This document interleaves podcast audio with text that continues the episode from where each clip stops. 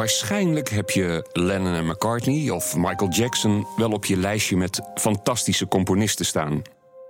Zo'n 300 jaar geleden had je vastgekozen voor Georg Friedrich Händel. Händel was populair en productief. Hij heeft in totaal ruim 600 werken gecomponeerd, waaronder 42 opera's, 29 oratoria en meer dan 120 cantates. En hij had fans. Veel fans. Tijdens een van zijn repetities in Londen stond er een drie uur durende file van koetsjes voor de bruggen over de Theems richting Vauxhall Gardens. 12.000 mensen wilden zijn muziek voor geen goud missen. En weet je wat grappig is? Deze druk bezette componist schreef ook machtige melodieën voor een mechanische orgelklok waar maar een paar exemplaren van zijn gemaakt. Geen werk voor een grote concertzaal dus, maar gewoon voor in de kamer bij iemand thuis. Nou blijkt deze klok zo mooi en zo bijzonder dat hij ook terecht kwam bij de superrijke kunstliefhebber Gerrit Braamkamp en zelfs in een Portugees paleis. Maar goed, dat kon Hendel vooraf niet weten. Zo'n bijzonder kunstwerk wil een museum natuurlijk dolgraag in de collectie hebben. Wij als Museum Speelklok wilden deze klok per se hebben... omdat het de enige bekende klok nog in particuliere verzameling was. En omdat hij zo bijzonder origineel is. En we dus nog steeds live Hendel kunnen laten horen aan het publiek. Ik ben Gerard Oonk. Dit is Eenmaal Andermaal met De Klok van Klee. Een podcast van de vereniging Rembrandt, gemaakt door BNR. Over bijzondere kunstvoorwerpen en hun reis naar het museum. Wij wilden heel erg graag deze klok in ons bezit hebben omdat hij een uh, stuk vertelt in de ontwikkeling van de mechanische muziek. En dat was een hiaat bij ons in het uh, museum. Nu kunnen we weer een extra stukje vertellen in de ontwikkeling van de 18e, vroeg 18e eeuwse orgelmuziek. Er bestaat verder op de markt geen andere klok die dat stukje kan representeren. Dat is Anne-Sophie van Leeuwen. Ze is hoofdcollecties bij Museum Speelklok in Utrecht. Het is inmiddels wel duidelijk dat het hier gaat om een heel uniek kunstvoorwerp. Het gevaarte van 2,5 meter hoog is in 1738 gemaakt door de fameuze Engelse klokkenmaker Charles Clay. De man werkte in opdracht van het Hof van koning George II en heeft Hendel overgehaald om een bijdrage te leveren. We weten dat Hendel heeft gecomponeerd voor opera. En dat sommige stukken op deze klok overeenkomen met melodieën voor die opera's. We weten alleen niet of deze stukken voor die orgelklok eerder waren dan de stukken voor die opera's. Dat is iets wat we aan het onderzoeken zijn. Van één stuk op deze klok weten we dat het daadwerkelijk gecomponeerd is voor een cilinder van een orgelklok. Het is heel erg bijzonder dat Hendel voor deze klok muziek heeft gecomponeerd. Dat geeft ook aan uh, hoe hoog de kwaliteit is uh, van deze klok. Hendel was zeer populair in die periode in Engeland. Hij uh, vertoefde ook in de hoogste kringen, onder andere ook aan het Engelse Hof. Charles Clay was een koninklijke klokkenmaker, werkte ook voor de koning. Dus die lijntjes waren niet zo lang, eigenlijk heel kort. Ik denk echt dat zij elkaar goed kenden en dat Clay topstukken wilde maken met alleen maar de top van Europa. En Hendel was er één van.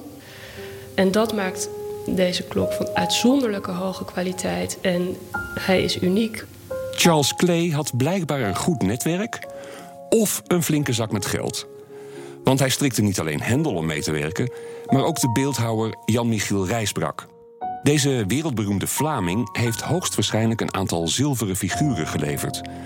En bovendien is de Italiaanse kunstschilder Jacopo Amagoni bij de illustraties op de wijzerplaat betrokken geweest. Stuk voor stuk toppers in die tijd. Het maakt de klok extra bijzonder dat er vier van zulke belangrijke Europese kunstenaars aan hebben gewerkt. Dat heeft met de kwaliteit te maken. Zowel het houtwerk als het zilverwerk, als de beschildering, als het messing, als de muziek, het binnenwerk is van zo'n waanzinnige hoge kwaliteit. Dat evenaar je niet. De kast van de klok is een enorme verschijning. Meer dan manshoog, met in het onderste deel de gewichten die zorgen voor de aandrijving van een cilinder met uitstekende pinnetjes en een blaasbalg. Het orgel heeft 96 pijpen die samen met de muziekcilinder schuilgaan onder het bovenste deel van het meubelstuk. De wijzerplaat is heel erg klein voor zo'n grote klok. Je zou zeggen dat het daar bij een klok eigenlijk om draait, maar bij dit meesterwerk ligt het accent duidelijk op de muziek. Het mechaniek van het orgel zit in het bovenste deel. Daarin draait de cilinder rond, waarbij de pinnetjes zorgen dat het klavier wordt bespeeld. De blaasbalg pompt lucht in de orgelpijpjes. Als je het mechaniek ziet, dan is het net een onwaarschijnlijk ingewikkelde constructie van technisch Lego, maar dan prachtig uitgevoerd in eikenhout en messing. Je kijkt echt je ogen uit. Het is een wonder van de techniek. Dat klinkt een beetje als een cliché, maar anders kan ik het niet beschrijven. En er komt dus muziek uit. Van een van de grootste klassieke componisten. Daar laten we je natuurlijk iets van horen. Maar eerst legt oud-directeur Huub Blankenberg uit hoe lang Museum Speelklok al aast op dit meesterwerk. Nou, van die klok die was al bekend dat dat zo'n beetje de nachtwacht van de automatische muziek was. En dat was bekend al. Ik denk dat toen Jan-Jaap Haspels als conservator aantrad in 1971, die wist al als je nou dat zou kunnen verwerven, het was totaal niet aan de orde in die tijd. Het was geen geld en het was ondenkbaar dat zo'n museumpje als speelklok in die tijd, dat hij daar überhaupt aan zou denken. Maar toen begon er toch al een soort droom van stel nou, je moet altijd dromen als museum. Stel nou dat je dit ooit zou kunnen verwerven. En dan behoor je ineens tot de eredivisie eh, op dit verzamelgebied. Conservator-directeur Jan-Jaap Haspels deed begin jaren 70 een suggestie bij zijn museumbestuur om de orgelklok te kopen. Een Britse antiquair bood hem het kunstwerk aan voor een vriendenprijs van 20.000 pond, omgerekend ongeveer 100.000 gulden. Dat was vijf keer meer dan het kleine museum ooit had betaald voor een nieuwe aanschaf. Haspels schrijft in een van zijn memoires dat het voorstel met daverend gelach werd ontvangen. En de knip bleef dicht. Haspels had duidelijk een vooruitziende blik, want de klok heeft bijna 50 jaar lang op de bucketlist van het museum gestaan. Huub Blankenberg denkt dat de afwijzing in de jaren 70 niet voor al te veel frustratie heeft gezorgd. Nee, je bent pas teleurgesteld als je een kans hebt gehad en als het niet is gelukt. dus in die periode, in de jaren 70, was er geen schijn van kans. Uh, probeerden we het ook niet. Was dus ook niet zo erg. En dan denk je, kijk, als museum hebben we de eeuwigheid, hè, particulieren. Daarvan komt die collectie over twintig jaar wel weer een keer terug. En misschien hebben we over twintig jaar wel weer een kans. En misschien meer geld en misschien meer mogelijkheden. En dat is dan precies wat er gebeurd is. We hebben ook altijd vanaf de jaren tachtig in allerlei beleidsnotities uh, hebben we gezet van willen we dit museum meer prestige en meer kracht geven, dan moeten we ook investeren in een collectie. Moeten we proberen ook, misschien als het boven onze macht is, topstukken te verwerven. Met alle macht. Want dat is een soort self-fulfilling system. Als je een topstuk verwerft, dan ben je ineens veel belangrijker en kun je ineens veel meer permitteren. Uh, dus vandaar dat er werd ingezet op, uh, op de aankoop van stukken waarvan we dachten, ja, nou, misschien is het kansloos, maar we gaan het toch proberen. En dat is dus in dit geval uiteindelijk gelukt. De klok van Charles Clay komt in 2016 weer op de markt. Eigenlijk precies zoals was voorspeld. Je moet als museum domweg een lange adem hebben. De klok wisselt op een veiling voor 720.000 euro van eigenaar en is nu, na eeuwen, weer terug in Nederland. In 1766 stond de kleeklok al in het Amsterdamse grachtenpand van kunstverzamelaar Gerrit Braamkamp. Er hingen daar ook honderden peperdure schilderijen in kamers vol Japans lakwerk, Chinees porselein, zilvertekeningen en deze klok dus. Het was eigenlijk een soort privémuseum waar de jetset van die tijd graag een kijkje ging nemen. Na de dood van Braamkamp kwam het mechanische instrument terecht in een paleis in Portugal. De zus van de koning had het in bezit. En daarna legden meerdere Europese kunsthandelaren de hand op het meesterwerk. Uiteindelijk bracht een Fransman het weer naar de veiling. De veiling was in Parijs. Marjan van Dijk, directeur, huidige directeur van het museum, die is daar zelf gaan bieden. En die had in haar tasje een cheque waarmee ze een redelijke kans maakten. En ja, dat is natuurlijk super spannend. Want je weet nooit wie er concurreren. Het voordeel was dat de inschatting was echt aan de lage kant. Uh, en het museum had het idee van, nou dit gaat vast veel hoger. Ook omdat men het instrument zo goed kende. Dus het museum wist hoe bijzonder dit was. En de taxateurs hadden kennelijk vooral naar het meubel gekeken, niet naar wat erin zat. Dat maakt het nou juist zo uniek. Dat meubel is trouwens ook schitterend, maar toch. Dus het museum had eigenlijk een ruime marge. En uh, als er niet kenners op het gebied van muziekautomaten ook een gooi naar zouden doen, zou het museum echt een goede kans hebben. Ik geloof dat de inschatting was 2,5 ton. En uh, uiteindelijk is het voor 7,5 of zo uh, gegaan. En het museum had nog wat speling. Dat is ongelooflijk. Dus ik ben er zelf niet bij geweest, maar ik heb later wel gehoord dat de champagne open is gegaan. Dat snap ik heel goed. Als de restauratie van de klok over een poosje klaar is, kan iedereen gaan kijken naar het historische pronkstuk. Een kleine 50 jaar na de eerste liefdesverklaring van directeur Haspels heeft Museum Speelklok dus de hand weten te leggen op de unieke orgelklok van Klee het is de blijdschap van een kind. Het is natuurlijk je werk. Hè? Je werkt in zo'n museum.